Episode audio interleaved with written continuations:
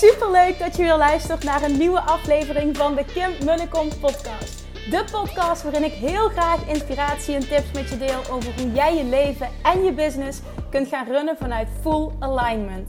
Meer voelen en minder denken, want that is where the magic happens. Hoe werkt die wet van aantrekking nu precies? Hoe creëer jij een succesmindset? En hoe kun jij ervoor gaan zorgen dat jij alles gaat aantrekken wat je zo graag wil met minder hard werken? Ik heb er weer super zin in. Let's go!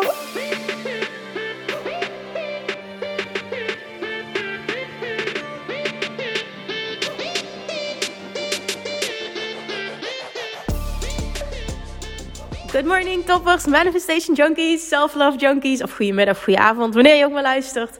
Vandaag staat er weer een lekker interview op de planning. Vandaag je lekker gaan luisteren naar een interview dat ik had. Nou, ik werd geïnterviewd door Milou Stroek um, van Highway.nl. Super inspirerende onderneemster zelf ook. En iedere keer weer als ik word geïnterviewd, um, merk ik dat ik vaak onder de indruk ben van de vragen stellen. Um, de manier van vragen stellen, maar ook echt het luisteren naar wat er tussen de regels door gezegd wordt, als je begrijpt wat ik bedoel. En ook dit was weer zo'n interview dat er dan weer dingen naar boven komen Um, sommige dingen die ik misschien nog nooit verteld heb, of misschien wel ooit, maar dan nu, zeg maar, in een, een, andere context dat het weer naar boven komt. Ik denk dat het super waardevol is. Ik deel een heel groot deel van mijn verhaal, ook een stuk um, zelfliefde en um, ondernemerschap. Zelfliefde en het aantrekken van geld komt aan de orde. Ik denk dat dat stuk super interessant kan zijn. Op het moment dat je merkt, ik ben nog erg goed in geld van me afhouden. Sta even ook hier weer helemaal open om te ontvangen wat jij nodig hebt op dit moment. En ga je helemaal open in. Ga, ja, ja, zoals ik altijd zeg, ook bij een QA, sit back and relax. En enjoy the ride. En vertrouw erop dat je precies hoort wat je mag horen. Want hetgene wat jou bijblijft, wat jou raakt, is hetgene wat je op dat moment mag horen. Tenminste, daar geloof ik heel erg in. Dus dat, dat wil ik even als intro meegeven. Ik zou het super tof vinden als je zowel Milou als mij eventjes sterkt op social media. Um, om ons te laten weten dat je luistert. En hopelijk ook dat je geïnspireerd bent geraakt. En je weet het hè. Ik hou niet van uh, oh zo inspirerend. Maar heel erg van oh inspirerend. En ik ga actie ondernemen. Dus vooral ook als je die voelt.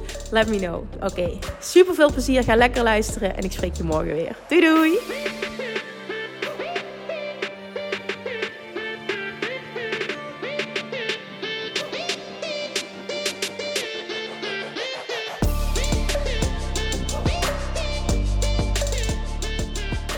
Ik geloof er echt in dat je aantrekt wat jij jezelf waard vindt. En op het moment dat jij niet uh, very high of yourself uh, denkt, dan zul je dat ook terugzien op meerdere gebieden in je leven, waaronder je financiële realiteit. Vaak ook in een relatie komt dat terug en op meerdere vlakken zul je dat terugzien. Een soort klanten die je aantrekt als ondernemer. Dus hoe meer jij je kunt ontwikkelen op dat pad, en ik, echt, ik spreek uit ervaring, want ik kom echt van compleet andere kant. Dus ik weet dat je in staat bent, stapje voor stapje voor stapje voor stapje, daar te komen dat je werkt aan onvoorwaardelijke zelfliefde. En dat gaat zich uiteindelijk uiten in echt een fuck it mentaliteit naar de wereld om je heen.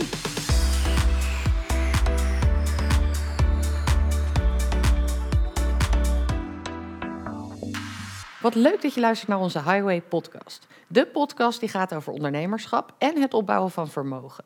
Ik ga in gesprek met inspirerende gasten om samen met jou elke dag een stapje beter te worden. Vergeet niet om je te abonneren op ons kanaal, want dan mis je niks nieuws.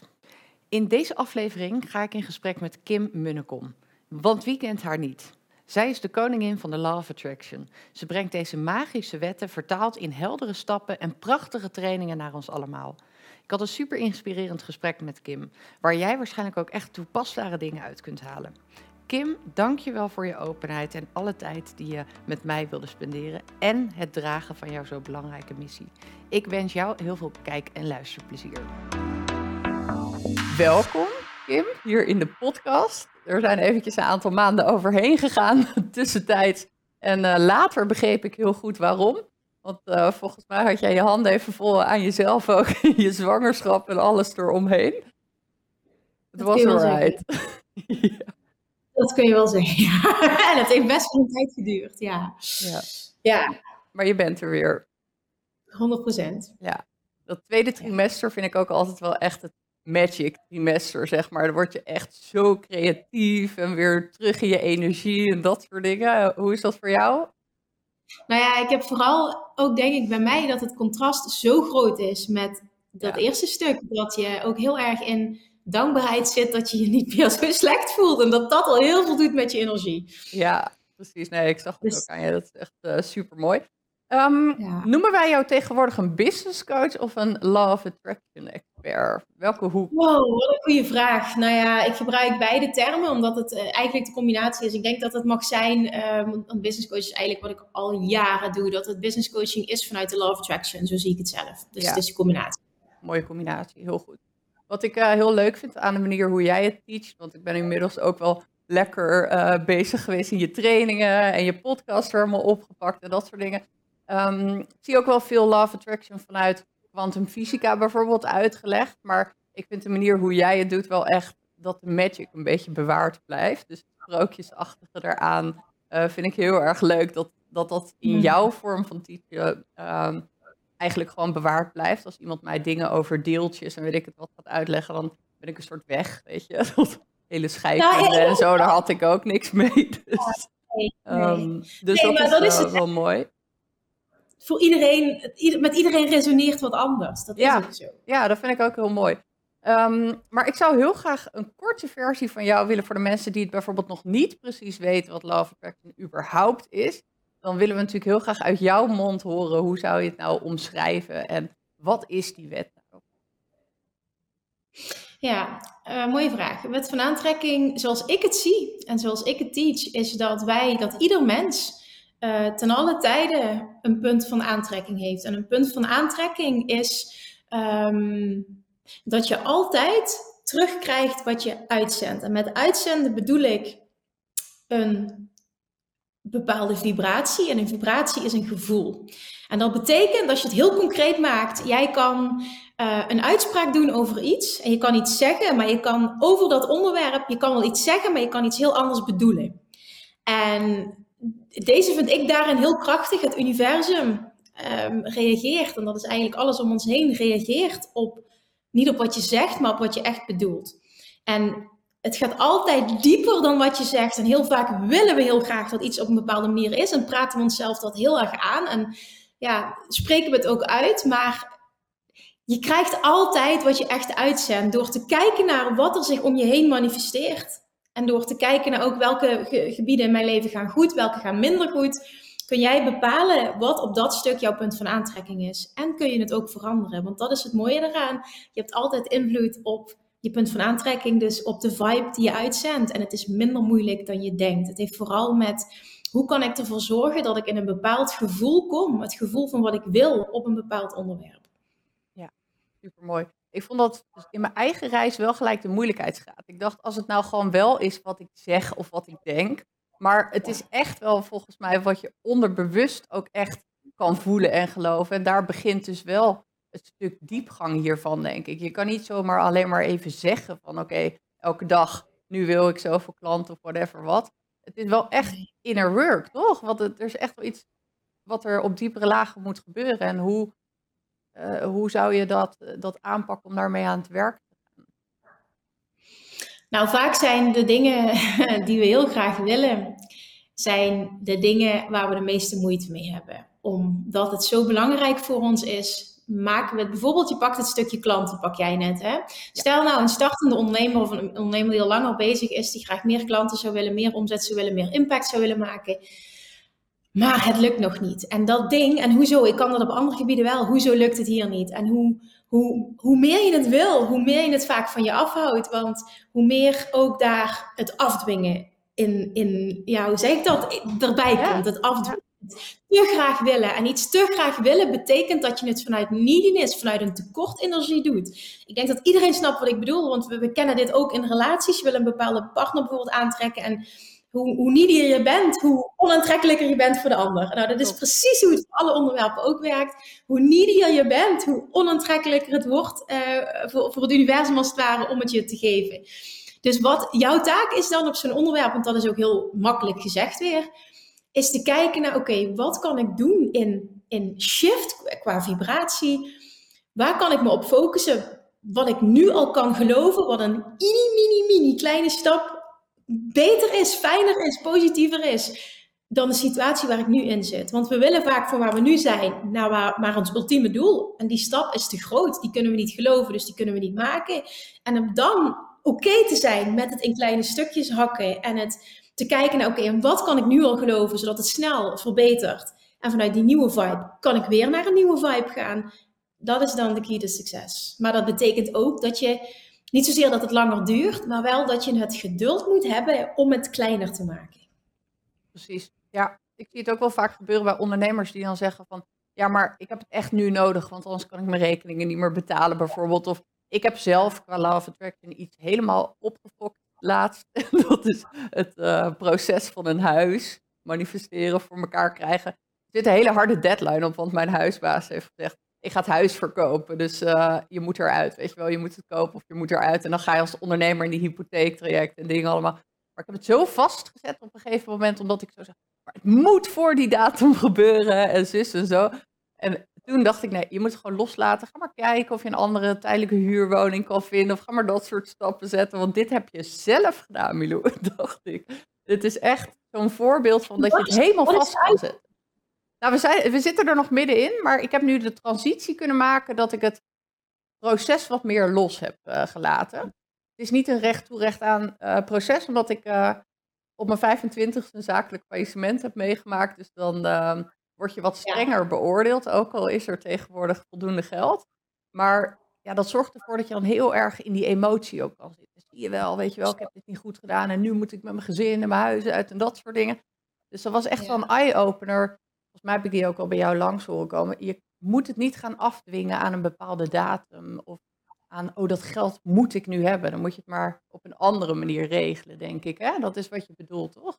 Ja, nou ja, goed. Dit werkt voor iedereen anders. Hè? In de kern gaat het er altijd om. Wat werkt voor jou om die druk niet te voelen? En dat is ja. voor iedereen anders. Ik heb in mijn eigen ondernemerschap bijvoorbeeld altijd gemerkt dat ik vanuit druk juist um, niet manifesteerde wat ik wilde. Dus wat heb ik gedaan? In de eerste 2,5, 3 jaar van mijn ondernemerschap heb ik altijd een baan ernaast gehad. Ik heb nooit een gelddruk gevoeld, nooit nee. ja, een druk van snel presteren, deadline, dat nooit. En ja, ik geloof erin dat het heel veel ondernemers, heel veel mensen überhaupt in het leven heel erg dient om het op die manier aan te pakken.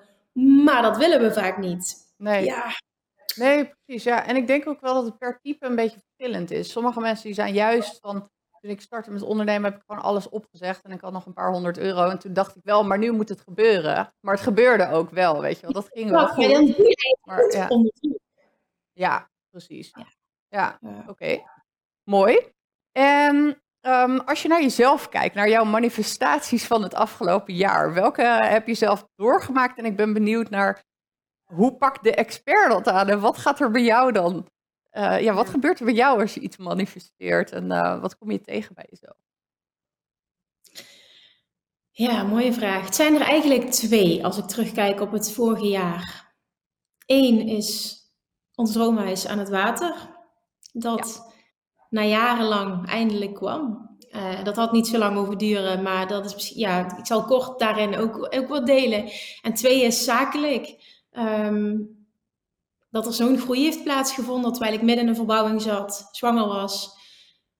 Vier dagen in de week alleen voor ons kindje wat we nu al hebben, ons zoontje zorgen. En uh, maar drie dagen werken. Dat ik nooit van tevoren had gedacht dat dit, dat het bestond. Dat ik toch zo ver en vooral ook op mijn eigen manier zou kunnen komen. Dus dat was, dat was echt pas richting het einde van het jaar dat die realisatie kwam van wauw, dit is, dit is echt ook weer een, een uiting van wat jij teacht. En het is heel mooi om dat dan zelf nogmaals um, ja, op, een, op een dieper level weer te mogen ervaren.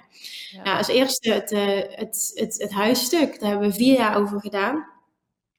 En de reden dat het zo lang heeft geduurd, dat heeft echt uh, aan onszelf, en, en ik wil het even volledig bij mezelf zoeken, gelegen. Abraham Hicks, hè, dat is dat, in mijn ogen de grootste teacher van de wet van aantrekking, zegt altijd: It doesn't take time, it just takes alignment. En ik ben heel lang niet in alignment geweest op het huisstuk, omdat mijn partner en ik niet op één lijn zaten. Uh, wel met betrekking tot het is oké, we willen een huis aan het water. Ja. Maar de plek waar dat huis kwam te staan, daar zijn we het eigenlijk letterlijk vier jaar niet over eens geweest. Tot een punt dat we eigenlijk dachten van, dit gaat misschien wel een relatiebreuk creëren, omdat het zo'n groot ding was. Nou, je kan je voorstellen wat dat doet met de vibe die je uitzendt. Dat is niet bepaald hoe je huis investeert. Dus uh, daar was ik me ook heel erg bewust van. Um, maar ja, hè, dat maakt nog niet dat je het van vandaag op morgen hebt opgelost. Dus dat is een heel, um, ja, toch wel een proces geweest van heel veel innerlijk werk. Um, waarbij ik op een punt ben gekomen om los te laten dat we op dat vlak niet op één lijn zaten. En heel erg ben gaan werken naar alleen nog maar intunen op hoe ik wilde dat het voelde. Uh, als we daar woonden. Dus niet bezig zijn met de plek, maar meer het gevoel dat, dat, dat ik, en ik kon alleen voor mezelf spreken, dat ik zou hebben, op het moment dat we dat, dat huis hadden. Hoe het eruit zou zien. Het hoeft niet per se in detail, maar vooral het gevoel. Bijvoorbeeld nu, ik zit hier in mijn werkkamer, ja, met een fantastisch uitzicht aan het water. Dat uitzicht, en, en het is zelfs zo specifiek dat ik borden op Pinterest heb gemaakt van dat droomhuis. Met dit uitzicht wat ik nu zie van een grasveld met een omgekeerd oud bootje wat omgekeerd ligt op het gras. Dat is ergens in het buitenland geweest. Daar heb ik een pin van. Dat is exact het uitzicht dat ik hier nu heb. Dat is echt ja, bizar. gewoon. Ja. En dat heeft gemaakt in combinatie met, dus deze wil ik ook even benoemen, met het vervolgens nemen van Inspired Action. Want toen dingen in een stroomversnelling zijn gekomen, dat is um, vanaf vorig jaar, zo begin um, ehm, 2021, toen ben ik allemaal briefjes in de bus gaan doen van verschillende huizen uh, waar ik, waar we wel graag zouden willen wonen. En tot mijn verbazing um, waren dat bijvoorbeeld in deze straat waar we nu wonen, en dat is een klein gebied, twaalf huizen en drie daarvan reageerden op mijn oproepje. Ja, dat maakt ook echt dat er iets in mij begon aan te gaan van ja, I'm on to something, dit gaat werken.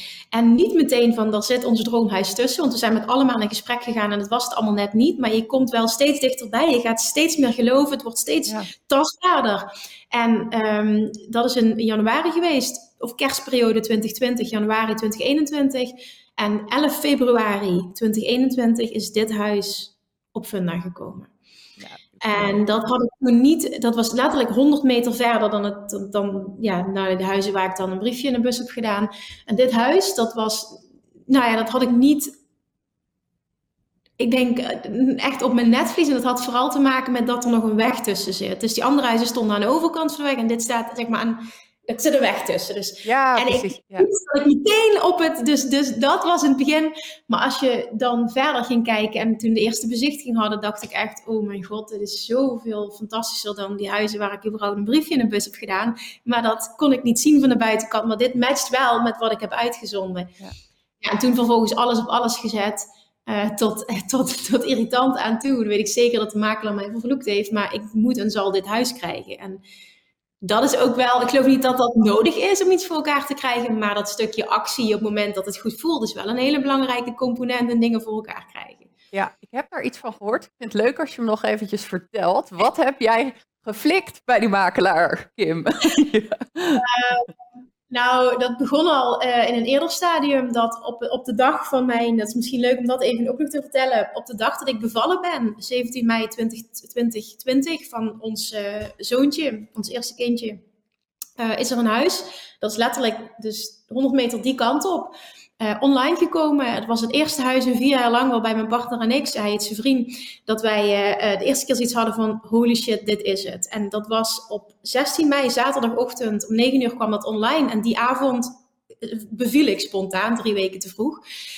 Um, en ik heb meteen gereageerd toen, die ochtend. En maandag werd ik gebeld door de makelaar dat, uh, ja, dat, dat we, maar ik heb niet opgepakt. Ik was net bevallen. Ik was in een compleet andere wereld. Dus ja. en toen twee dagen later realiseerde ik me shit dat huis. Dus ik heb toen gebeld. Alles stond er vol qua bezichtigingen. Dus we kwamen er eigenlijk niet meer tussen. Nou, via via iemand die invloed had uh, in, in de, ja, op, hè, een beetje in het dorp waar we nu wonen, um, is er geregeld geworden dat we dus 30 minuten toch ergens tussen geduwd konden worden. Nou, hebben we toen gedaan. Was dat een gunfactor of heb je iemand omgekocht? heb je er geld voor betaald? Of? Nee, dat was wel een gunfactor. Oké. Ik wil alles weten, hoe dingen werken. nee. Nee, dat. En ehm, het, het, was gewoon ook een beetje vanuit mij. Ik zet dan alles op alles om, om, om, alle resources in te zetten. Want dan, dan, dat is een van mijn uitspraken. Niet lukken is geen optie. Dus hoe dan ook, ik wist, ik, we gaan een bezichtiging komen. Ik weet alleen nog niet hoe ik dit voor elkaar ga krijgen. Nou, dat is gelukt. We hebben een bod gedaan. We waren tweede, helaas. Dus we hebben dat huis niet gekregen. Maar ook toen kon ik dat niet uh, accepteren. Dus wat heb ik toen gedaan? Ik ben toen achter de rug om van de makelaar um, naar dat huis gereden. En heb ik uh, op de dag dat we te horen kregen dat, we dus, dat het net niet geworden was, heb ik nog een keer een bod gedaan dat zoveel hoger was dan het hoogste bod. Dat eigenlijk die eigenaar dat niet kon weigeren. Dat Hij reageerde ook meteen van dit overtreft mijn stoutste verwachtingen. Achteraf dacht ik absurd wat jij geboden hebt voor een huis. Maar dat gaf alleen maar aan hoe graag ik het wilde hebben. Um, en toen uh, zei hij, ik ga morgenochtend meteen contact opnemen met de makelaar. Maar ik moet je wel eerlijk zeggen, als hij zegt van, goh, we hebben al een afspraak, dan kan ik er niet mee akkoord gaan. Maar ik wil alles aan doen om te zorgen dat wij tot een overeenkomst gaan komen. Um, ochtends om 7 uur uh, merkte ik ineens dat ik me heel schuldig voelde naar de makelaar. Want het was eigenlijk een hele leuke vent. En ik heb dit achter zijn rug om gedaan. En dat, uh, dat vond hij echt helemaal niet tof. Dus ik heb hem een appje gestuurd van kunnen we even bellen? En zegt hij ja, het kan of nu. Het was 7 uur s ochtends. Uh, of pas na 10 uur. Ik zeg dan doe maar nu. Ik denk, en ik had enorme buikpijn voor het telefoontje. Dus ik heb hem gebeld. En uitgelegd wat de situatie was. Hij werd pislink. En dat snap ik, want dat doe je niet. En vooral, weet je, dit is in, bijvoorbeeld in Amsterdam is het de normaalste zaak van de wereld, maar in een dorp doe je dat niet, want dat is alleen maar ons kent ons. En wat denk je dat dat met de naam van ons kantoor gaat doen en wat nou als hij daarmee akkoord gaat? Nou ja, dat. Uiteindelijk is het niet gelukt. Lang verhaal kort, ik heb het niet gekregen. Dus het is niet gelukt. Losgelaten, zaadje geplant. En toen kwam dit huis en um, toen uh, zijn zijn vriend en ik uh, het, het, het niet eens geworden in de, in het hele uh, aankoopproces. En vooral, er kwam heel veel stress bij kijken. Hij reageerde er niet zo lekker op. En er kwam een punt dat hij zei, ik trek dit niet meer, regel het maar. En um, toen heb ik s'avonds heel vaak laat met de makelaar zitten appen en zitten bellen. En een klein beetje ook uh, de situatie, zeg maar, dat we dat ik benoemde van, als je dit kan regelen bij de verkopende partij, dan probeer ik om een partner mee te krijgen. Dus het was allemaal echt, maar het was ook een beetje gebruik maken slash misbruik maken van de situatie. Um, maar uiteindelijk is het wel precies gelukt wat we wilden qua prijs, wat we wilden uit. Zo heb je echt alles voor. Ja, ja, ja. ja. En uh, dat, dat, dat, was geen fijn proces. Dat is niet iets wat ik heel graag doe. Maar het was wel iets wat ik voelde dat nodig was om te krijgen wat we zo graag wilden. Dus achteraf is het allemaal goed geweest. Maar um, ja, nee, je gaat niet om 11 uur s'avonds heel vaak nog de makelaar bellen. En uh, ja, vuile spelletjes waren niet. Het was allemaal echt, hè. Want ik wil het ook niet verkeerd laten overkomen. Alleen... Nou, je ja, zet wel gewoon een paar extra stappen dan dat iemand anders misschien zou zetten. Ja, dat, dat is goed, ja. ja dat en dat is vaak wat je wel verder brengt. Weet je, als je gewoon stopt waar iedereen stopt, dan eindig je ook waar iedereen eindigt. En uh, op een gegeven moment degene die wat meer stappen zet. Ja. Wat een. Mijn god, laat ik er maar vanaf zijn. In godsnaam, geef ze dat huis. Want het, het is wat een irritant. Zo, zo, niet dat hij dat gezegd heeft, wel. Oh, dat, ja. Maar goed, ja, dat is wat het is. En ik denk dat meer mensen dit doen om te krijgen wat ze willen. Dus het is helemaal prima. Ja, maar ik vind dan wel, dus dan neem jij wel helemaal de verantwoordelijkheid en draag je echt zorg voor je manifestatie. Je bent er op alle fronten mee bezig en je bent bereid om alles te geven om het voor elkaar te krijgen. Maar als je dan kijkt naar wat jij um, van moment tot moment doet. En je gaf aan, het was voor mij heel belangrijk om op dat gevoel in te spelen en in te tunen ook. Uh, zijn dat dan een periode waarin je vaste momenten neemt? Of is dat iets wat je door dagen heen doet? Hoe, uh, hoe werkt dat bij jou? Ja, nou ja, ik denk inderdaad dat dat voor iedereen anders werkt. Voor mij werkt dat heel erg. Ik heb een vast ritueel dat ik rond een uur of vier, vijf klap ik mijn laptop dicht. Elke avond ga ik wandelen in de natuur. En dat zijn de momenten dat dat ik intune op zo'n ding. En dan ben ik helemaal zeg maar, outgetuned van de rest, van alles om me heen. En dan ben ik heel specifiek wel bezig met wat ik wil en, en um, verlangens uitzenden, dat. En heel vaak in die periode was dat het huis. Dat was gewoon het nummer één ding ja. wat ik wilde en wat ik ook voelde dat heel veel zou kunnen betekenen voor onze relatie. En dat, ja, dat was eigenlijk dominant continu. Ja. Zo moet je dat eigenlijk zien, ja. ja. En wat ik dan deed, is op die momenten dat ik heel erg ging intunen op het gevoel dat ik wilde hebben als ik in dat huis zou wonen. En ik kon daar ook een bepaald beeld um, ja, bij zien. Ja, ja. En heb je dan ook aan jezelf gevoeld dat als je er bepaalde momenten te veel mee bezig was, dat je dan ook dat herkende? Van nu moet ik een stapje terug of moet ik het even los of even anders? En wat, hoe, hoe kunnen mensen dat herkennen dat je too much doet, zeg maar? Wat zijn de punten?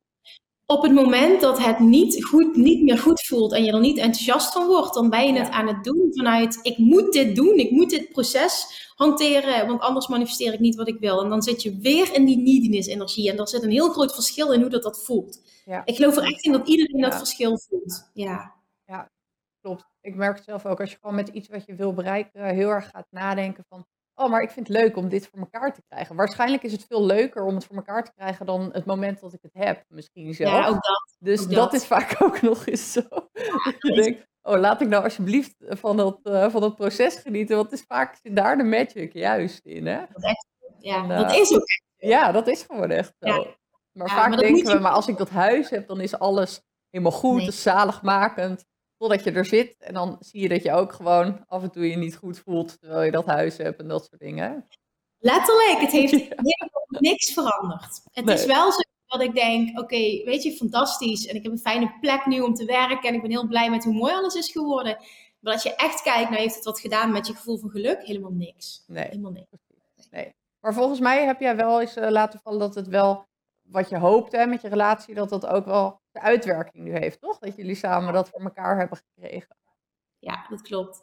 Ja, dat is mooi. Leuk dat je daar nu over begint. Want gisteravond ontving ik een bericht van iemand die ik heel goed ken. Die stuurde mij een bericht en die zei: uh, Ik moet je dit toch even sturen, zegt ze. Uh, ik zie zo'n shift in, in zijn vriend. In hoe hij kijkt, hoe hij is, de relaxheid die hij uitstraalt, hoe hij naar jou kijkt. Is er iets, het gaat me niks aan, zegt ze, maar is er iets veranderd in jullie relatie? En toen zei ik, dit vind ik echt heel mooi dat jij dit zegt, want ja. sinds een maand ongeveer, sinds twee maanden, we wonen hier vanaf december, het is nu februari, heeft er een enorme shift plaatsgevonden inderdaad tussen ons, omdat er denk ik een heel groot ding dat tussen ons instond is weggevallen. En dit was echt, en ik denk misschien dat veel mensen dit zich niet kunnen voorstellen, maar dit was tussen ons een huge ding. Hij wilde eigenlijk het liefst blijven wonen waar dat we woonden. En voor mij was het absoluut niet mijn thuis. Dus, en dat voelde hij weer. Dus het was echt een enorm ding in onze relatie. En doordat dat is weggevallen en hij dus ook, ehm, ja, denk ik, aan mij ervaart dat ik nog een nieuw level.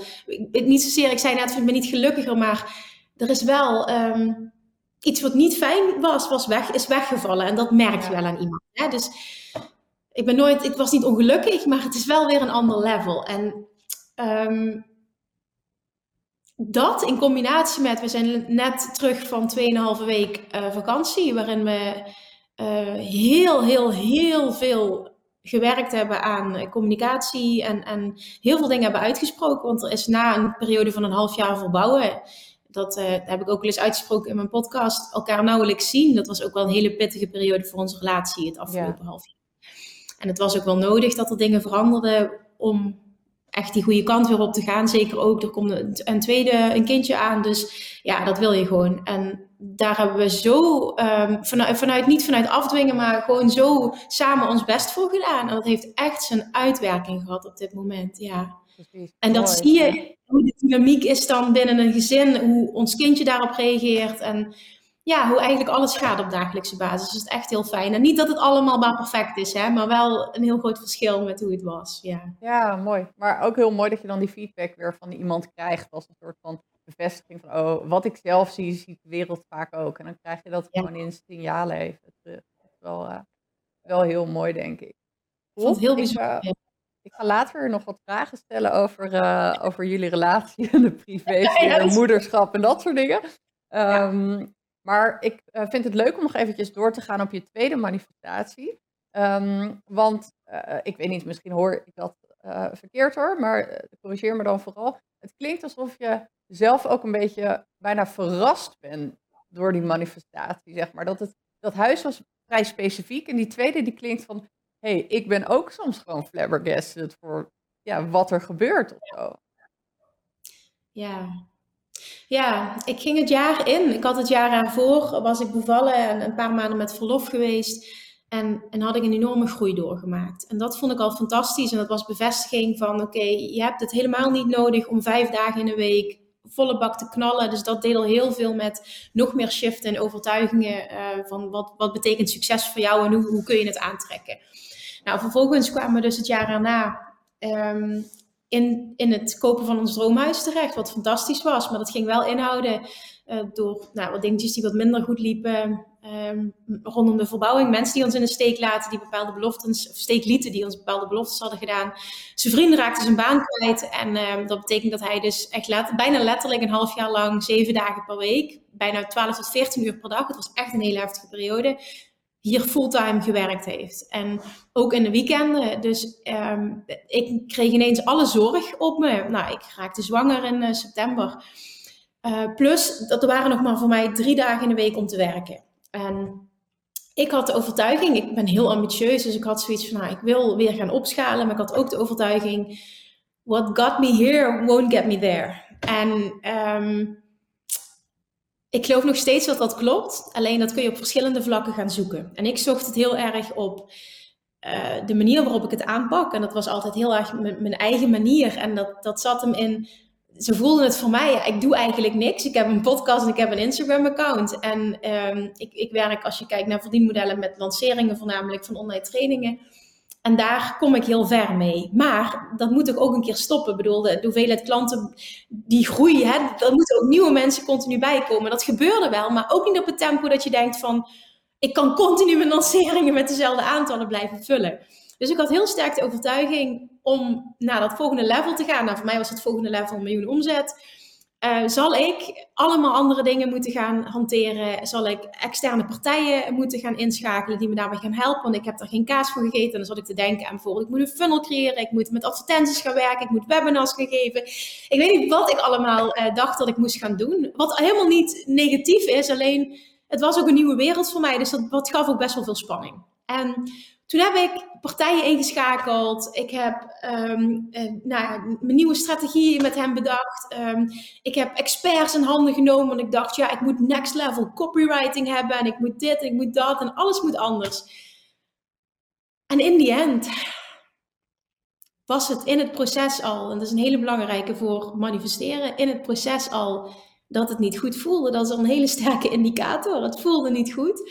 Maar ik had zoiets, oké Kim, je moet er even doorheen. Hè? Je, moet, je moet even doorzetten. Want ja, je hebt, uh, je hebt, ja, je hebt A gezegd, nu ga je ook B zeggen. En na verloop van tijd merkte ik ook, en dat is logisch, als het niet goed voelt, heeft het ook niet het resultaat wat je wil. Het pakte, het, het werkte gewoon helemaal niet. Het was gewoon echt niet mijn pad. En toen heb ik alles, eigenlijk al vrij snel, heb ik alles losgelaten. Er kwam ook een periode dat ik, uh, toen in september werd ik zwanger. En toen had ik zoiets, ik heb me toen echt zo slecht gevoeld, heel lang.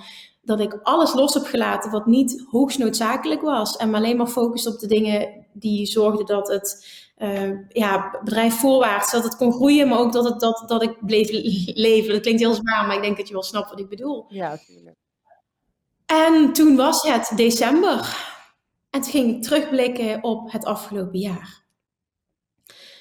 En tot mijn ja, verbazing is niet het perfecte woord, maar ik denk dat ik toen in augustus al voelde op dat moment, en dat, nou, ik, in augustus werd ik zwanger, maar op dat moment weet ik nog dat we op vakantie waren in Zeeland en heb ik een podcast opgenomen, dat ik toen al wist, als ik nog bepaalde stappen zet op mijn manier, en ik wist van als ik een bepaald traject nog lanceer, maar dat wilde ik niet gaan doen, want dat zou te zeer vanuit druk zijn, als ik dat nog doe, dan ben ik er. Heb ik dat miljoen gewoon gehaald zonder al die pushpas, wat voor mij pushpas was.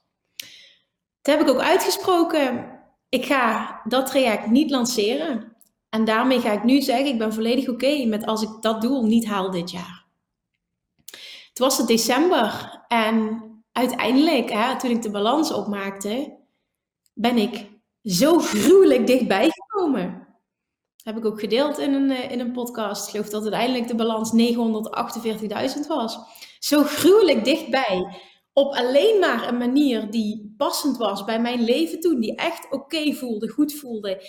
Met maar drie dagen werken, een verbouwing, die zwangerschap met heel slecht, weet je, dat allemaal. Dat ik achteraf echt dacht van, dit is zo'n bevestiging dat als ik mijn gevoel volg en mijn eigen pad blijf bewandelen en doe wat goed voelt en de juiste focus pak, heb ik niets nodig buiten mezelf. Want ik heb voldoende kennis hoe ik mijn bedrijf kan laten groeien. Ik weet ook superveel op het gebied van marketing. Ik hoef niet te vertrouwen dat een partij die misschien supergoed is in wat ze doen, maar dat het, het mag ook gewoon niet mijn pad zijn.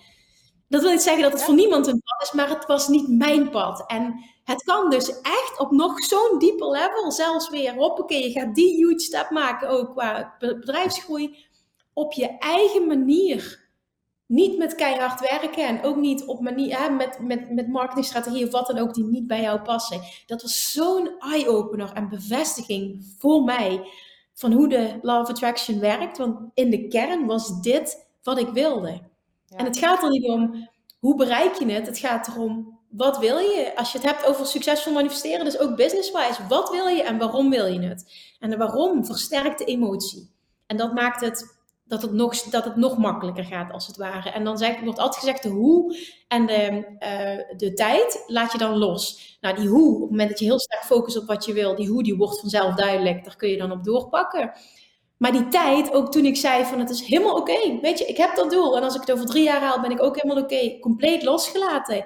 Ja, en uiteindelijk ga ik ook gewoon zeggen, ik heb het niet gehaald. Maar ik ben zo oké met hoe de situatie was. Ik was zo, ja, het klinkt heel stom, maar zo trots op mezelf. Dat ik denk, oh, je hebt zoveel goeds voor jezelf gedaan. En je hebt zoveel geleerd, leergeld betaald ook. Ik heb heel veel geïnvesteerd afgelopen jaar in allemaal dingen. En dat heeft me nu voor dit jaar zoveel gebracht. Nu ook als leider in mijn business. En um, ja, weet je, door dingen te, door dingen te, ja, met dingen te experimenteren, weet je ook wat je niet wil. Ja. En die, dat jaar was gewoon huge. Ja, geweldig. Ik heb uh, die podcast nog heel scherp op mijn netvlies. Ik was echt eh, best wel geraakt erdoor, moet ik ook echt zeggen. Ik zou mensen echt willen aanraden om die te luisteren. Volgens mij heb je die in januari opgenomen, toch? Um, of ik eind denk december? Het is ook tot nu toe de best beluisterde podcast ja, ooit. Hij is echt geweldig. Ik wil iedereen echt uh, aanraden. Misschien kunnen we een linkje er hieronder ergens zetten of zo. Dat kunnen ze vast doen. Maar dat is echt, kwam zo binnen bij mij. En ik dacht, ja, maar je moet wel gewoon... Ik was ook best wel kwaad op mezelf. Ik heb echt zo'n jaar ook gehad waarin ik heel veel heb uitgegeven aan dingen die helemaal niet pasten. En ik was best wel boos op mezelf van, zie je, doe je het weer, weet je.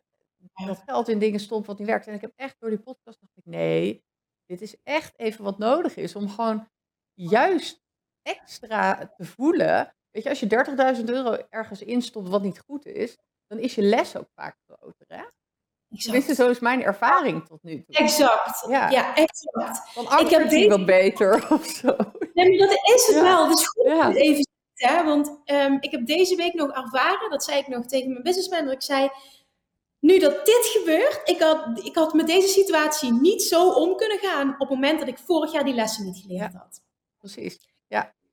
ja. En dat was vlucht, gewoon leergeld. Ja. ja, en een vlucht die mensen ook wel kunnen hebben, die ik zelf in het verleden ook vaak had, was dan ook weg bij mezelf en dan de vinger wijzen naar de ander bijvoorbeeld ik heb dat geld daar uitgegeven en hij was niet goed en daarom is het zijn schuld dat ik dat geld nu kwijt ben. Dus dat is denk ik ook wel mooi als mensen dit herkennen. Echt terug naar jezelf, dat kan je volgens mij echt het allermeeste opleveren. Dat vind ik in die podcast voor jou ook heel erg goed, uh, goed duidelijk worden. Dus ja, is... verantwoordelijkheid nemen voor, voor elke keuze die je maakt. Ja, ja. en uh, dan ook echt voelen dat het geld wat je dan hebt verbrand, zeg maar, niet weg is en nooit meer terugkomt. Dat is, dat is denk ik ook een shift in een gevoel wat je kan hebben ten aanzien van geld. Hè? Geld wat een keer weg is of niet zo goed besteed, dat is niet van dit was mijn laatste euro die ik ooit heb gekregen. Nee, en, en heel erg ook voelen dat wat je. Kijk, ik denk dat ieder mens, ieder ondernemer sowieso wel eens een investering heeft gedaan. Wat hem achteraf niet opleverde wat hij had gehoopt. Ja. Maar er dan zo naar kunnen kijken dat. Ehm, dat je geleerd hebt wat je niet nodig hebt. Dat dat net zo waardevol is als wat je misschien gehoopt had om eruit te halen. Dat je dat kunt zien, dat je die verantwoordelijkheid zelf kan nemen. Dat het nooit weggegooid geld is, maar dat je er altijd iets van leert. En dat het niet zomaar gebeurt dat dit op je pad komt, dat je die keuze maakt. Is denk ik zo krachtig, omdat je dan nooit meer spijt van iets hebt. Nooit meer terugkijkt, nooit meer boos op jezelf bent. Want het zijn allemaal dingen die je vibe verlagen. Ja, ja super, super interessant vind ik ook. En als je dan kijkt naar uh, geld aan zich. Hè? Je hebt volgens mij een hele mooie journey waar je helemaal niet begonnen met een gevoel van overvloed. Um, maar nu is het volgens mij een van je favoriete onderwerpen ook wel om mee bezig te zijn. Klopt, uh, ja. Toch? Ja, ik hoor jou daar ook heel vaak over praten en zo. En, uh, um, ja, was het wel zo dat ondanks dat je vroeger er niet op die manier mee bezig was en niet dezelfde mindset had, dat het je als kind wel al uh, dat je dat al wel een intrigerend onderwerp vond of interessant vond, dingen met geld. Zat dat er wel in of is dat echt later ontstaan? Ja, niet dat ik me bewust kan herinneren. Ik heb vooral, als ik terugkijk, um, veel herinneringen aan tekort. Dus ja. dat was, dat is dan, dan heb je het wel over geld, maar dan heb je het over een negatieve associatie met geld. Ja. Dus een positieve is daar, uh, is daar nooit geweest, ook niet een intrigerende. Ik zat ook toen totaal niet op persoonlijke ontwikkeling. Nee.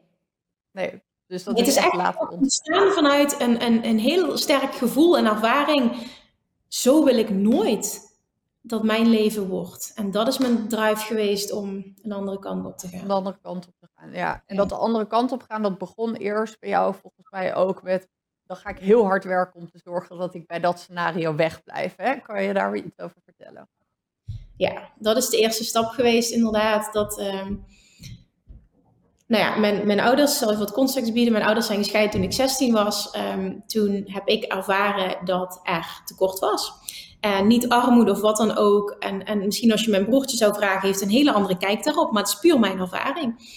Ik heb toen tekort ervaren. Ik heb dat vervelend gevonden. Ik heb me minder gevoeld dan de rest om mij heen. En dan, dan we zijn nog kinderen dan. Hè? Dus dan de, de, de vriendinnen om mij heen die mijn, eh, voor mijn gevoel alles kregen en ik, uh, en ik allemaal niet. En dat heeft gemaakt dat ik toen heel sterk heb gevoeld, oké, en ik ga er alles aan doen om ervoor te zorgen dat als ik groot ben, en dat zag ik al op het moment dat ik ga werken, dat mijn leven er nooit zo uit gaat zien. Ik wil dit gevoel nooit meer hebben. En toen ben ik inderdaad, want dat is een beetje wat mij met de paplepel is um, uh, ingegeven, wat gewoon helemaal oké was met de juiste bedoelingen, alles vanuit liefde. Maar om succes te bereiken zul je keihard moeten werken. Om veel geld te verdienen zul je keihard moeten werken. En ik was al heel goed in keihard werken als je het hebt over schoolresultaten, mijn hele middelbare school. En was, stond, uit tot 12 uur s'nachts huiswerk maken en om 5 uur opstaan. En dat was mijn leven. Ik had ook echt geen leven. Ik was doodongelukkig. Het was allemaal helemaal niet leuk. Maar ik haalde mijn eigenwaarde altijd uit wat ik presteerde. Ik had een hele lage eigenwaarde. Ik was helemaal niet blij met mezelf, vond mezelf niet mooi. En doordat ik altijd de beste was van de klas, kon ik dat compenseren als het ware. Dus die prestatiedrang die was, die was heel, heel, heel groot, omdat me dat een goed gevoel gaf over mezelf. En toen uh, kreeg ik een baan bij de rechtbank na mijn, uh, na mijn rechtenstudie of tijdens mijn rechtenstudie. Was ik heel trots op, was puur een ego-ding, want het was helemaal niet waar ik gelukkig van werd. Um, dat is niet een plek. Ja, ik, eh, ik had dat met uh, mijn eerste baan op een advocatenkantoor. Ik voelde me helemaal de bom, weet je wel. Ik werk op een advocatenkantoor, dan heb je dat ook met de rechtbank. Ja, dat is het. Dat is dat prestige stuk, hè, status, ja, dat. Ja. ja, dus het was echt hoofd versus hart. Hoofd zei van, wow, je hebt het voor elkaar, doorgroepmogelijkheden, wet salaris, in ieder geval de kans tot, en nou ja, dat ik was eigenlijk helemaal niet happy. Nou, toen kwam er een punt dat in die situatie zich iets voordeed, waardoor uh, ik geprikkeld werd om voor mezelf te beginnen. Dat um, een collegaatje zei van, goh, je bent best wel goed in, uh, in coaching, waarom ga je daar niks mee doen? Ik was heel, ja, heel jong, ik vond dat ik heel jong was, 25 toen. En ik weet dat ik toen naar huis reed die dag dat het tegen me gezegd werd, dat ik maar één gedachte had van, ja, why the fuck not? Waarom niet? Wat heb ik in godsnaam te verliezen? En natuurlijk waren er allemaal onzekerheden en wist ik geen ene reet van ondernemerschap en dat allemaal. Maar dat verlangen, waarom niet? Uh, je vindt altijd wel weer een baan. was zo sterk dat ik toen heel snel heb gehandeld en uh, de keuze heb gemaakt om voor mezelf te beginnen. Ja, en die start is um, uh, gepaard gegaan met keihard werken in eerste instantie om iets op te gaan bouwen. Want het eerste jaar had ik bijna geen klanten.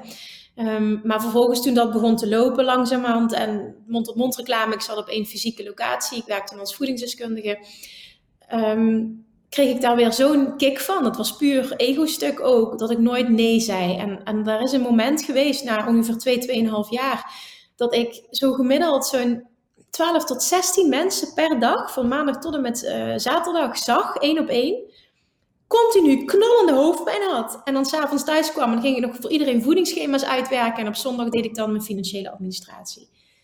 Mijn leven was verschrikkelijk. ik was zelfs... in ieder geval wel veel klanten, dus dat was het goede nieuws. Ik had veel klanten en dat was weer dat ego-ding. Ik, ik maakte impact, mensen vonden me fantastisch. De buitenwereld keek allemaal, oeh, dus Kim toch succesvol. Oh ja, ja. Maar fysiek voelde ik me helemaal niet goed. En ik dacht alleen maar, nou, als dit vrijheid is, dan weet ik het ook niet meer. En toen kwam er een punt dat ik echt dacht, ja, weet je, ik kan nog me zo fantastisch voelen door de impact die ik maak en hoe iedereen me ziet. Maar dit is ook niet wat geluk is. En toen kwam vervolgens, kwam, ontstond daaruit het verlangen. Ik zag dat om me heen steeds meer gebeuren, was in 2016. Er is ook een andere wereld, de wereld van online ondernemen. En in plaats van 16 mensen op een dag iedere keer hetzelfde vertellen, kan ik misschien ook wel iets creëren. Ik had geen idee hoe, waardoor ik één keer iets vertel en 16 mensen in één keer kunnen luisteren. En dan maak ik misschien wel dezelfde impact. Uh, en ik, ik heb maar één uur per dag nodig, misschien in plaats van 12 of 14. mooi. En dat, dat kleine zaadje, dat verlangen, dat, dat werd steeds groter. En toen ging ik um, het boek lezen, The 4-Hour Workweek van Tim Ferriss. Weet je, dat is een pad wat je dan gaat bewandelen langs. Ja. Daar begon het mee en uh, het ging er een wereld voor me open met allemaal termen die ik niet kende en outsourcing. Ik weet niet wat ik allemaal leerde, wat ik nog nooit in mijn leven gehoord had. Ik vond het super interessant allemaal. Heleboel en... Uh, ja. Maar vooral het feit van, holy shit, dit bestaat. Mensen doen dit. Deze wereld is er. Nou ja, dat. Um, nog geen idee hoe ik dat precies moest vormgeven, maar wel van, wauw, dit is tof, hier wil ik naartoe. En toen kwam er een advertentie op Facebook voorbij, uh, datzelfde jaar, 2016, september. Ik was op vakantie. En um, dat, dat ging over je, je een bedrijf online neerzetten, zeg maar, van offline naar online. En ik dacht, dat moet ik hebben. Ja. En um, van Simone Levy is dat trouwens. Ik wil haar ook die credits heel graag geven van Simone Levy. En uh, toen ben ik dat gaan doen. Ik voelde gewoon aan alles. Oké, die investering moet ik doen. Ik dropte meteen 7000 euro. Had ik ook één op één coaching erbij. Had ik nog nooit in mijn leven gedaan. Zo'n grote investering. Vond ik eigenlijk ook helemaal niet spannend. Dus dat zegt veel over, denk ik, hoe groot het verlangen was. En ik denk ergens ook het vertrouwen van dit gaat slagen. En een maand later kon ik beginnen. Um, en toen was het zo dat ik nog steeds zeg maar, die 14 uur per dag werkte in mijn praktijk. Ik was een opleiding aan het doen, ik was een stagiair aan het opleiden. En toen was het januari 2017 en toen kwam ik, bam, van de een op de andere dag, in een, natuurlijk niet, zo is het niet gegaan, maar zo ervaarde ik het, in een burn-out terecht. En dat uitte zich dat mijn lichaam echt fysiek ik, niet meer, ik kon niet meer bewegen. Dus ik zakte echt door mijn benen heen, ik kon niet, kon niet meer lopen. Het was niet voor. Ja, het is echt bizar. Mijn lichaam functioneerde gewoon totaal niet meer. Was letterlijk of dat ik uitval had. Zo moet je het zien. Gewoon letterlijk uit. Ja, dat hoor je wel. Dus ja. Oh. Doodeng. ja. En um, ja, dat gaf dus aan hoe ver ik over mijn grenzen was gegaan. Ik zag het zelf helemaal niet aankomen. De mensen om me heen wel, die hadden me al gewaarschuwd, maar ik zag hem niet. En dat was op een donderdagavond. Ik was ook net gaan fitnessen. Dus ik kom terug van het sport. Ik loop mijn woonkamer in en ik zak daar. Ik val letterlijk op de grond. Dus ik zak daar door mijn been heen. Er komt een intens gevoel van verdriet over me heen. En ik kan alleen maar huilen. Het was januari, het was koud. Dus ik ben toen tegen de verwarming aan gaan zitten. Ik ben alleen maar gaan huilen. En ik dacht echt, wat is er aan de hand met me? Wat gebeurt hier? Nou, vrij snel kwam ik erachter dat het toch niet zo goed met me ging als dat ik dacht. Ik lach er nu om, om omdat het um, een groot geschenk is geweest. Ook achteraf, ik kijk daar niet negatief terug. En um, toen heb ik hele, hele, hele, hele, hele, hele, hele heftige keuzes gemaakt. En dat is dat ik mijn volledige praktijk heb overgedragen aan mijn moeder, die toen stage bij mij liep. Alles losgelaten. Vanuit ergens geloof dat het goed kwam. En ook een angst. Dat ga ik ook, moet ik ook gewoon eerlijk toegeven. Dat de klanten dat niet wilden. En dat ik dus ineens van vandaag op morgen geen inkomsten meer had. Ja. Maar het voelde als geen andere keuze, want ik functioneerde gewoon echt niet meer.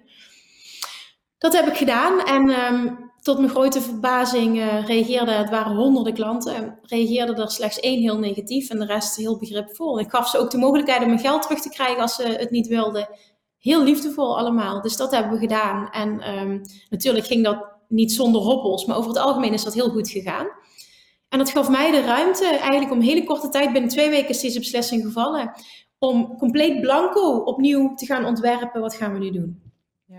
Mooi. En ik was die opleiding aan het volgen dus. Nou, en toen heb ik gezegd van oké, laten we eens kijken of ik dit zonder uh, techniek, dat, want dat, dat snapte ik nooit, hoe ik dat allemaal moest op, uh, opzetten en zo. Ik was helemaal alleen. Hoe kan ik dit wat ik nu gedaan heb in een vorm gieten, dat het mij minder tijd kost, maar dat ik wel dezelfde impact kan maken. ja, dat was de eerste stap naar het online ondernemerschap. Dat was een Facebook lidmaatschap. Um, van 27 euro per maand ben ik toen gestart. En dat was Hello New World. Heel mooi. Ik denk dat het ook goed is als mensen luisteren. Heel vaak zie ik wel dat ondernemers meteen proberen het perfecte bedrijf te bouwen wat helemaal bij ze past en zo. Alleen in de praktijk zie ik eigenlijk altijd dat succesvolle ondernemers eerst een bedrijf of misschien wel bedrijven hebben gebouwd die totaal niet bij ze pasten en wat helemaal niet. Weet je, het lijkt juist een sleutel voor succes als je eerst bent op een plek wat, wat niet past of zo. Dat vind ik jouw verhaal ook weer echt zo'n heel mooi voorbeeld. Ja, het is mooi dat je dat zegt. Ik denk ook dat het niet per se zo is van het paste niet, maar dat je jezelf, dat je zo ontwikkelt dat je erachter komt, dit is nu mijn pad niet meer. En dat je dan de ballen hebt om bepaalde keuzes te maken en naar je gevoel te luisteren. Ja, precies. Mooi. Cool. Ehm, als we kijken naar jouw ehm, doelen voor aankomend jaar. Je gaat natuurlijk een heel mooi kindje op de wereld zetten weer. Dat is nog wel een doel op zich. Dus wat mij betreft hoef je er geen extra bij te hebben. Maar ik uh, vermoed zo dat je ze toch wel hebt. Dus ik ben heel benieuwd. Waar gaat, uh, gaat jouw bedrijf naartoe? Ja, mooi. Ja, dat, dat zeggen heel veel mensen ook tegen me. Uh, ben je bewust van wat je al gaat doen en zo. En dat, dat ben ik me heel erg. Maar ik heb zo de mindset. Ik geloof dat het en-en kan zijn. Dus ik geloof en dat er een eh, fantastische dochter ter wereld mag brengen. Um, en dat ik gewoon volledig met verlof ga. Dat, dat ga ik ook gewoon doen. Dat ik, daar heb ik ook heel veel zin in. Um, maar ook dat ik dit jaar uh, weer een enorme groei kan maken. Persoonlijk. En um, ja, ook zakelijk zonder druk. Dus wat ik. Um, nou, hij is nu weg, de echo. Wat ik. nee, dus. Ja, wat voor mij heel belangrijk gaat zijn dit jaar is uh, nog meer uh, doorbouwen op wat vorig jaar is ontstaan. Dus die kracht in mezelf. Um, en dan gaan kijken, want het heeft mij natuurlijk als mens, als leider, als ondernemer, heeft het me zoveel gebracht. Uh, dat ik ook weer voel dat ik als coach zozeer gegroeid ben. Dat voelt ook weer van, goh, ik kan mensen echt weer op een ander level helpen door mijn eigen ervaring. Um, ja, waardoor ik dus uh, sowieso dit jaar als doel heb om door het plafond van een, een miljoen omzet te breken. Maar dat nog meer op zo'n level te doen van ease en fun. En in eerste instantie bij mezelf te zoeken. En vervolgens te kijken naar en wat zou ik tof vinden qua hulp, um, qua invulling, qua uh, manieren van coachen, qua klanten. Hoe zou ik dat tof vinden om dat te gaan doen? Dat ik zit nu midden in dat proces. Um, dat wordt gewoon doel, verlangen nummer één voor dit jaar. En ik weet ook zeker dat, dat, dat het gaat lukken. En daar heb ik die lessen van afgelopen jaar absoluut voor nodig gehad. Ja, mooi, heel mooi. Als je kijkt naar uh, afgelopen jaar en je zou één moment kiezen, gewoon echt een moment in je business, dus het hoeft niet een hele manifestatie te zijn of zo, waar je zegt, oh, als ik dat morgen nog een keer over mag doen, dan, uh, dan zou ik dat echt leuk vinden. Wauw, wat een vraag. Um... Het hoeft niet het zwaarst wegende moment te zijn, maar eentje die misschien... Je nee, ik denk dat moment in december, dat was zo huge voor mij. Dat heeft echt impact gemaakt op mijn, op, op, op, ja, op, op mijn, mijn zijn. En gewoon wat ik geloof voor, het, voor de komende jaren. Dat ik tot de realisatie kwam, holy shit, hoe ver ben ik gekomen uh, op mijn eigen manier. Um, terwijl ik alles heb losgelaten en zeg maar, eigenlijk die, die uitvoering wat ik wilde, ik heb het allemaal geprobeerd, maar het was het gewoon niet voor mij. En dan toch zo ver kunnen komen. Ja. Dat, dat was gewoon zo ontzettend huge. Want er zat ook nog één component bij. Um, dat, ik, dat ik bijvoorbeeld exact um, ik had, ik had exact mijn doel wel gehaald. Maar doordat uh, we in de lockdown zitten, um, zou ik naar Bali gaan. Het Bali-retreat kon niet doorgaan. Dus oh ik heb ja. Volledig terugbetaald. Op het moment dat dat gewoon door had kunnen gaan, was het een done deal. Dus ik wist gewoon, ik ben er al. Weet je, dit is er. Dit is gewoon mogelijk. Je hoeft er je niet voor kapot te werken. Je hoeft geen rare dingen te gaan doen op het moment dat iets niet goed voelt. Ja. En dat, dat, dat moment, ja, dit, dit, was gewoon huge. En daaruit is ook vanuit bepaalde energie, denk ik, die podcast ontstaan. Omdat het ook echt voor mij zo'n big eye-opener is geweest. Ja, cool. heel mooi. Jij hebt volgens mij ook een heel mooi pad gelopen als het aankomt op uh, zelfliefde. Je, je hele pad daarin. Um, ik zie steeds meer verbanden als ik ook naar mezelf kijk tussen je financiële realiteit en zelfliefde. Volgens mij is er een heel groot verband. Hoe heb jij dat ervaren en hoe is jouw financiële realiteit zich gaan vormen nadat je dat werk hebt gedaan? Ik zie al heel mooi knikken, dus volgens mij hebben we een topic. ja. ja, super mooi dat je dit verband legt. Ik geloof daar heel erg in wat je nu zegt. En daar wordt bijna geen aandacht aan besteed. Nee. Ehm, ik geloof er echt in dat je aantrekt wat jij jezelf waard vindt. En op het moment dat jij een gebrek aan onvoorwaardelijke zelfliefde ervaart. En dat betekent dus dat jij merkt van gewoon mijn, wat ik net benoemde, hè, mijn zelfliefde is heel erg gekoppeld. Bij mij was het altijd aan prestaties, dus, dus van buitenaf wat ik presteerde. En bij mij was het heel erg gekoppeld aan mijn uiterlijk. Als ik maar slank genoeg ben, vind ik mezelf oké. want anders dan, uh, dan, ja, dan ja, ik heb heel lang letterlijk voor mezelf gewalligd. En dan zit je in een tekort vibe. Hoe je het of bent of keert, is een tekort vibe. Het is geen overvloed vibe. En doordat ik zo geloof nu in de werking van de wet van aantrekking en dat alles om ons heen reageert op hoe we ons diep van binnen voelen, wat we dus uitzenden, dat geldt dus heel erg ook op hoe zien we onszelf. Ja. Wie, wie trekt aan wie je gelooft dat je bent? Daar geloof ik ook heel erg in. En op het moment dat jij niet uh, very high of yourself uh, denkt, dan zul je dat ook terugzien op meerdere gebieden in je leven, waaronder je financiële realiteit. Vaak ook in een relatie komt dat terug en op meerdere vlakken zul je dat terugzien. Het soort klanten die je aantrekt als ondernemer. Dus hoe meer jij je kunt ontwikkelen op dat pad, en ik, echt, ik spreek uit ervaring, want ik kom echt van compleet andere kant. Dus ik weet heel ver inderdaad, ja. Dat je in staat bent, stapje voor stapje voor stapje voor stapje, daar te komen dat je werkt aan onvoorwaardelijke zelfliefde. En dat gaat zich uiteindelijk uiten in echt een fuck it mentaliteit naar de wereld om je heen. Ja, dat zal niet zeggen dat je compleet immuun bent, maar je zult wel merken dat je dingen heel makkelijk van je af kunt laten glijden. Maar ook dat je bij alles denkt, ja natuurlijk kan ik dat, waarom zou ik het niet kunnen? Zonder dat het arrogant bedoeld is. Hè? En dat is een compleet andere wereld, want normaal gesproken zitten we zo in de wedstrijd. Ja, waarom zou me dat lukken? Of waarom zou iemand voor mij kiezen? Of er zijn er al zoveel.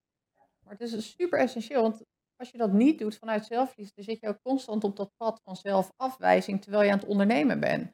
En dan ben jij eigenlijk gewoon die vervelende manager die jou constant naar beneden haalt in een loondienstbaan, ben jij dan voor jezelf. En dan verwacht je dat je goed gaat presteren. Nu tegenwoordig kan ik gewoon zeggen, echt meer tegen mezelf van, oh, kom, we gaan het samen doen of zo. Weet je wel, dat ik kan voor je zorgen op dat pad, ook als je het even eng vindt of als je onderuit gaat of zoiets. Maar het is niet de norm in onze maatschappij om een beetje verliefd op jezelf te gaan zitten zijn. Hè? Je moet wel afwijken van, van, de, van de normen. Mensen vinden het toch gek als je dat doet. Is ook zo.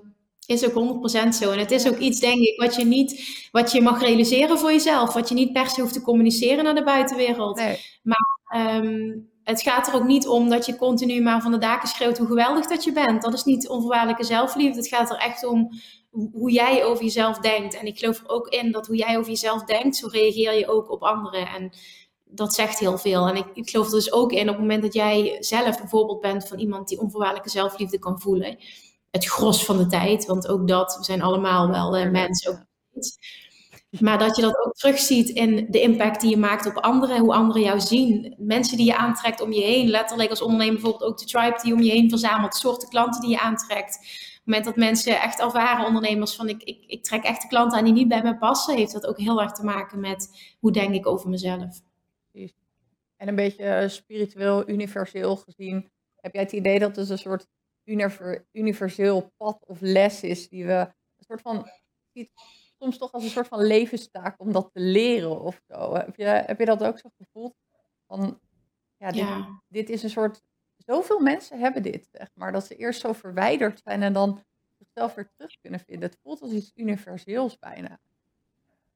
Ja, ik denk dat dat uh, iets is waar we mee geboren worden. Dat we onszelf volledig kennen, maar dat, we, uh, dat bijna ieder mens door hoe de maatschappij in elkaar zit, over het algemeen de westerse wereld, verwijderd raakt van zijn eigen pad. Um, terwijl je eigenlijk al zo geboren wordt. Dus het is, je bent je hele leven bezig met het terugkomen naar de staat van zijn die je eigenlijk al was toen je hier op aarde kwam. Dat is heel erg zonde. Maar aan de andere kant brengt het je ook zoveel lessen en groei.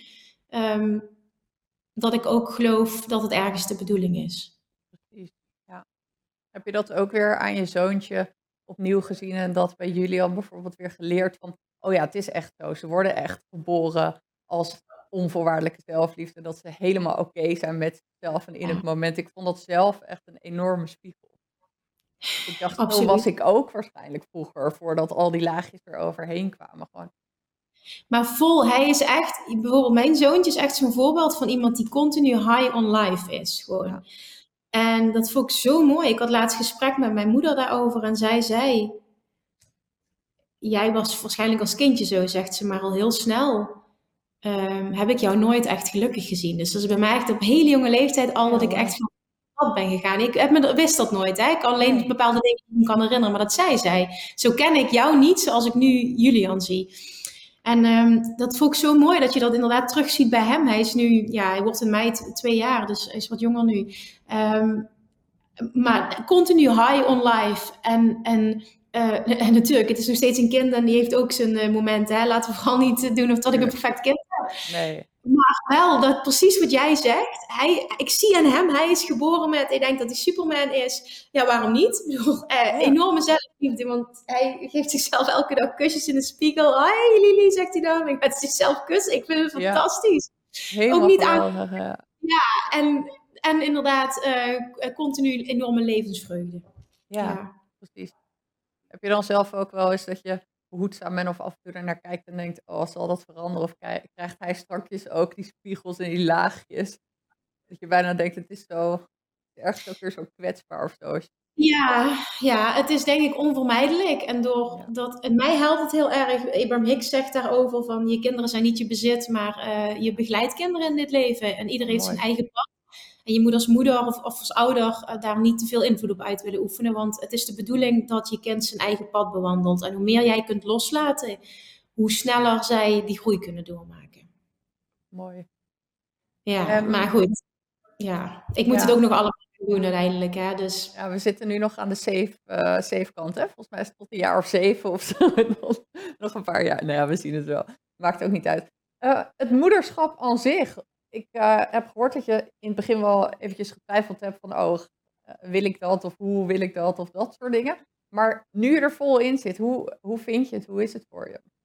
Ja, fantastisch. Een enorme verrijking van mijn leven. En ik heb ook ervaren een verdieping op het um, gevoel van zelfliefde. Ja. Dat heb ik heel erg ervaren ook. Het, het, voelen van onvoorwaardelijke liefde voor een kind, op het moment dat je dat kan, betekent dat ook automatisch. Uh, ik kan, uh, tenminste, ja, wel, daar geloof ik in, dat je ook een diepe onvoorwaardelijke liefde nog meer naar jezelf kan voelen.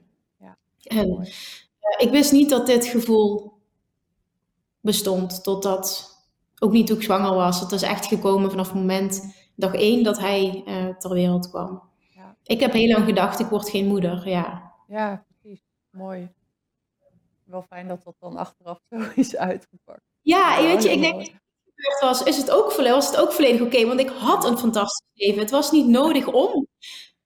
Maar het is wel een verdieping, ja. ja. Voor mij.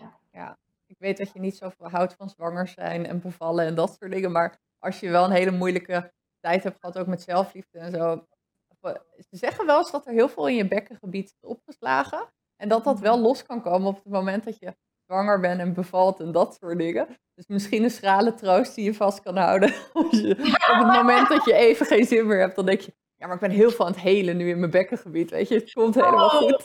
ja. ja, dat is mooi. Ja, weet je, dat, nee, dat zwanger zijn en heel, al helemaal bevallen is echt niet mijn ding. Maar daar ben ik ook volledig oké okay mee. Tuurlijk, weet je, het is een ja. keer gemaakt. Uh, ik voel nu van het zijn de laatste loodjes en dat is helemaal oké. Okay.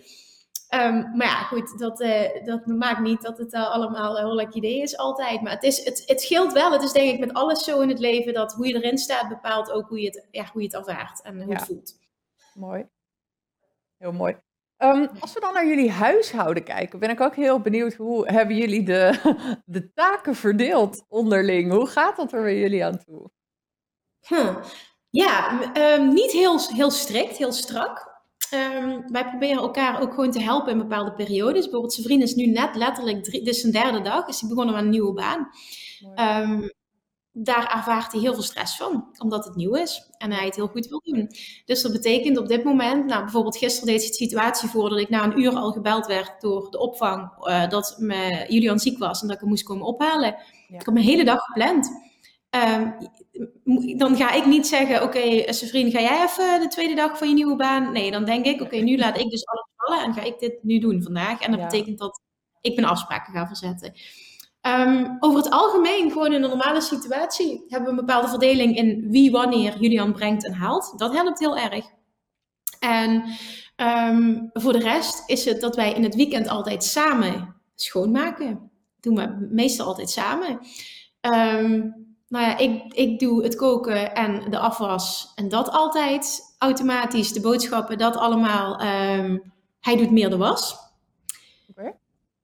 En voor de rest is het denk ik dat wij heel veel samen doen. We zijn eigenlijk altijd het hele weekend, kiezen we er altijd voor uh, die afspraak hebben, dat we, dat, we, dat we samen zijn. Of wel ieder ons, ons ding ook laten doen als we bepaalde dingen willen. Maar ja, er is gewoon tijd voor het gezin. En er is ook momenten van, laat, laatste tijd vindt Julian het leuk en pakt hij een doekje en dan gaat hij bijvoorbeeld meepoetsen. En dan zijn we gezellig thuis aan het poetsen met z'n drieën. Ja, moet je er echt inhouden. Stop.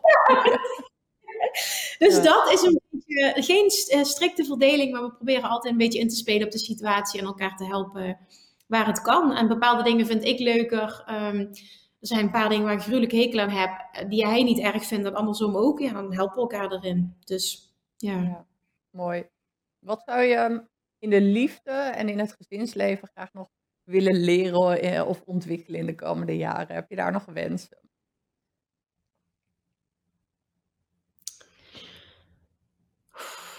Mooie vraag. Mm. Goh, daar zou ik nu geen antwoord op kunnen geven. Nee, maakt niet Heeft vooral ook te maken met um, de enorme uh, shift die er heeft plaatsgevonden sinds een maand, twee maanden, ja. waardoor het nu zo goed gaat. Um, dat ik het heel graag zou, als het zo, zo blijft. houden. Ja, mooi. Ja, ja, mooi ja. En ook dat mag gewoon in golf gaan. Dat is natuurlijk ook, ook oké, maar uh, oké, okay. mooi. Hey, en uh, hoe ervaar jij het dat jouw partner in loondienst is en een ander uh, pad dus loopt wat dat betreft en dat jij. Aan het ondernemen bent? Ja. Um, helemaal oké. Okay. En dat is niet altijd zo geweest. Ik ben daar helemaal oké okay mee. Um, en ik zou het heel tof vinden. En ik denk in de toekomst dat daar ooit een moment gaat komen dat dat gaat gebeuren. Zou ik het heel tof vinden um, als we daarin meer op één lijn komen te zitten. Want hij heeft ook een wens dat de dingen anders zijn. Ja. Waardoor we nog meer vrijheid ervaren in ons doen en laten, maar vooral in het, in het, in het gaan en staan. Ja, mooi. Dat is nog heel erg beperkt door zijn baan- en loondienst. Dat wil hij eigenlijk niet. Maar hij ziet voor zichzelf op dit moment ook geen andere weg. En ik wil hem zelf het pad laten bewandelen. Ja. ja, dat is heel mooi. Ik moet dat ankertje ook echt meenemen op mijn eigen pad. Ik heb dezelfde situatie namelijk met mijn partner in lonings. Maar soms denk ik, tien jaar gebouwd om zoveel vrijheid te creëren. En dan heb ik het nog niet, omdat jij in loondienst zit. en dan denk daar ik, Jezus. Ja. ja. daar heb ik heel lang, op dat stuk heb ik heel lang op gezeten. Maar dat zorgt alleen maar voor hele enorme frustraties. Ja, dat heeft helemaal geen zin. Ja, niet uitspreken is het frustratie. En, uh, dus ik herken wel echt heel erg wat je zegt. Maar wat ik, wat ik dus heb gemerkt, en dit is echt ook huge. Vanaf het moment dat je dat loslaat en echt oké gaat zijn, um, zie ik bij ons gebeuren dat hij dus ook steeds meer ziet wat er gebeurt binnen mijn bedrijf, wat er mogelijk is, wat hoe er is, hoeveel vrijheid ik heb. Dat ik kan zeggen, oké, ik doe Julian wel, snap Het is zo'n contrast met waar hij in zit. Dat hij een enorm verlangen heeft om dat voor zichzelf te creëren, maar hij ziet het pad nog niet. Dus ik weet nu, het, het, het, de eerste stap is gezet, weet je, het is een soort van uitgerold. Laat het proces maar het proces zijn. Er komt een, een, ja, een oplossing, of het een probleem is, want dat is het niet. Maar wel, dingen gaan nog wel anders. Ja, maar hoe, ja dat voel je. Ja.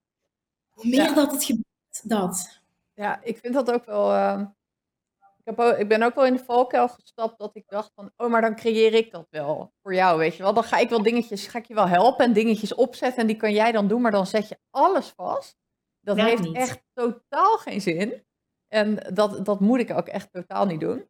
Dat is echt. Um, ik hoorde trouwens ook een keer in jouw podcast, volgens mij, dat je zei van dat hij uh, ook een bepaalde auto had gezien die hij wilde of zoiets. En dat jij toen zei van, ja, maar hij heeft toch ook twee handjes gekregen. En toen moest ik zo hard lachen, want ik heb dus twee auto's besteld toen ik mijne ging bestellen uit schuldgevoel, zodat mijn vriend in dezelfde auto kon rijden. Toen dacht ik, wow, deze moet je even jezelf opnemen, Milou, want is zo erg. Ja, nou ja, dat, dat, dat ja, dan wil je een auto of een, of een, weet niet wat die, ik weet niet wat het is, een Porsche of een Ferrari of zo. Ja, die kun jij dan voor me kopen. Dus ik, ik denk, uh, heb je zelf twee handjes gekregen die ik kan laten opbrengen? Kun je, kun je maar dat is meer omdat ik gewoon weet uit ervaring. En dat heeft te maken met dat ik uh, binnen mijn familie um, mensen heel erg financieel heb geholpen dat ik keer op keer ervaar dat ik iemand totaal niet help door dit te niet doen. help, ja, precies. Ja, dat is ook. Ja, mijn vriend die vroeg er helemaal niet om. Ik, eh, hij zei juist, nou, dat hoeft echt niet en dat soort dingen. Maar het was meer voor mezelf, dat ik het mijn eigen schuldgevoel wilde afkopen, denk ik. ik weet Ja, nee, ik snap het ook wel echt heel erg. En ik, ja. ik denk van ja, of kom bij mij in het bedrijf, of stop gewoon met werken, maar dat is de oplossing niet. Nee, nee zeker. Niet in ieder geval, nee. nee. Mooi. Hey, ehm, ik zou heel graag uh, als slot met jou nog eventjes uh, door je geweldige trainingen heen willen lopen. Wat is er verkrijgbaar op het moment? Wat komt er aan? Want als mensen dit horen en ze denken, nou, ik wil iets van Kim leren, dan is het denk ik leuk om gewoon wat meer te vertellen over wat er beschikbaar is. Zou je ons daarin mee willen nemen? Ja, absoluut. Um, er zijn op dit moment, en er komt er nu één aan binnen de komende weken, zijn op dit moment drie online trainingen, dat worden er vier.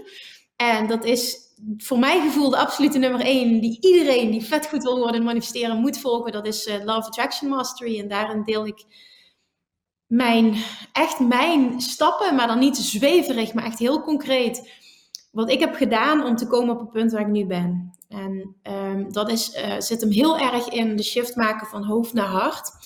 En um, van tekort naar overvloed. Ik denk dat dat twee hele grote thema's zijn die aan bod komen. Um, ja, dus dat. Ten tweede zit daar, uh, is er een training Money Mindset Mastery. Dat is een verdieping op het stukje geld. Omdat ik voelde dat heel veel mensen, vooral ondernemers, daar nog enorme stappen in kunnen zetten. En als je kijkt naar waar ik vandaan kom en met hoeveel liefde en passie ik nu over geld kan praten. Dat het ja, eigenlijk een taboe onderwerp naar een, een, een ja, het soort van geld is mijn vriendje, zeg maar, dat. En dat zie je dus ook terug in wat je manifesteert. Dus dat, Money Mindset Mastery, dan heb ik nog, en dat is natuurlijk voortgekomen uit tien jaar coachingservaring op het gebied van, eh, van, van wet van aantrekking en, en afvallen, Weight Loss Mastery. En dat is het programma wat ik heb gecreëerd eh, naar aanleiding van al die jaren dat ik één op één coaching heb gedaan. Uh, en dan komt er deze aan, die jij net ook aantipte, die zo belangrijk is. Self-Love Mastery.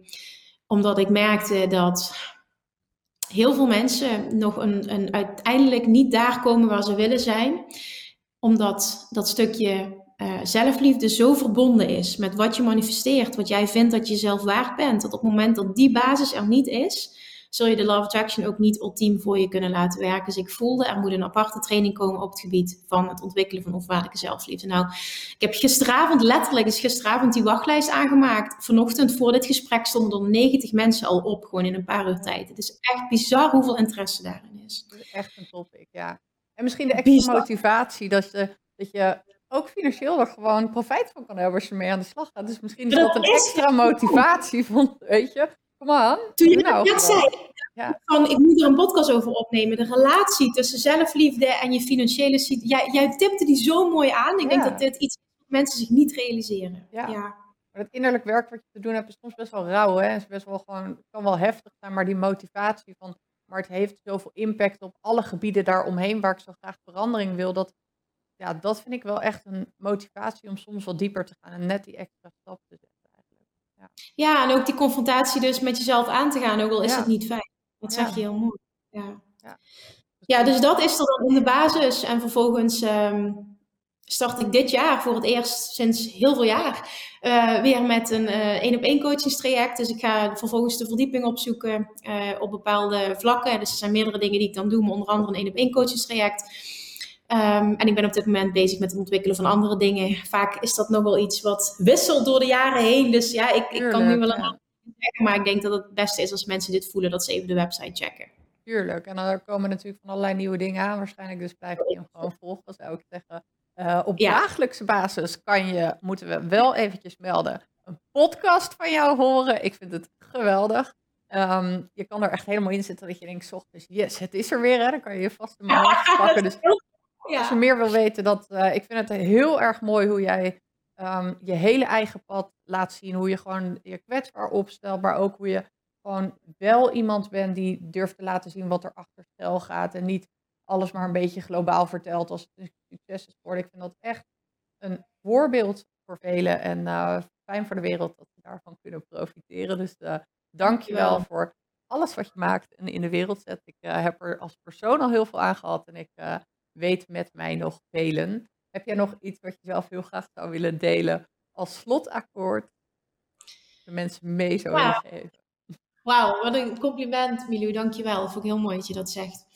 Ja, dat is inderdaad mijn, uh, mijn intentie inderdaad met die podcast. Dus vijf dagen per week op dit moment komt er eigenlijk gratis content online... waar hopelijk heel veel mensen wat aan hebben. Dus dat is een aanrader om te luisteren. Het moment dat je wilt starten op dit punt. Maar wat ik mensen wil meegeven is denk ik, de rode draad van dit hele verhaal, dat ik er oprecht in geloof, dat al het succes, op welk vlak dan maar ook in je leven, dat jij wil bereiken, dat je dat A kunt bereiken en juist op een manier die bij jou past, want dan weet je dat je het juiste pad volgt. En als je soms twijfelt, is het mijn pad of is het wat bij mij past, durf dan altijd te kijken naar hoe het voelt. En mijn nummer één regel is, als het goed voelt, op dat moment dan is het goed. Ook al pakt iets later anders uit, het heeft toch een reden gehad dat ik die keuze heb moeten maken, want het heeft me dichter bij iets anders gebracht. Dus durf die te volgen, dat stukje gevoel. Als het goed voelt op dat moment, is het goed.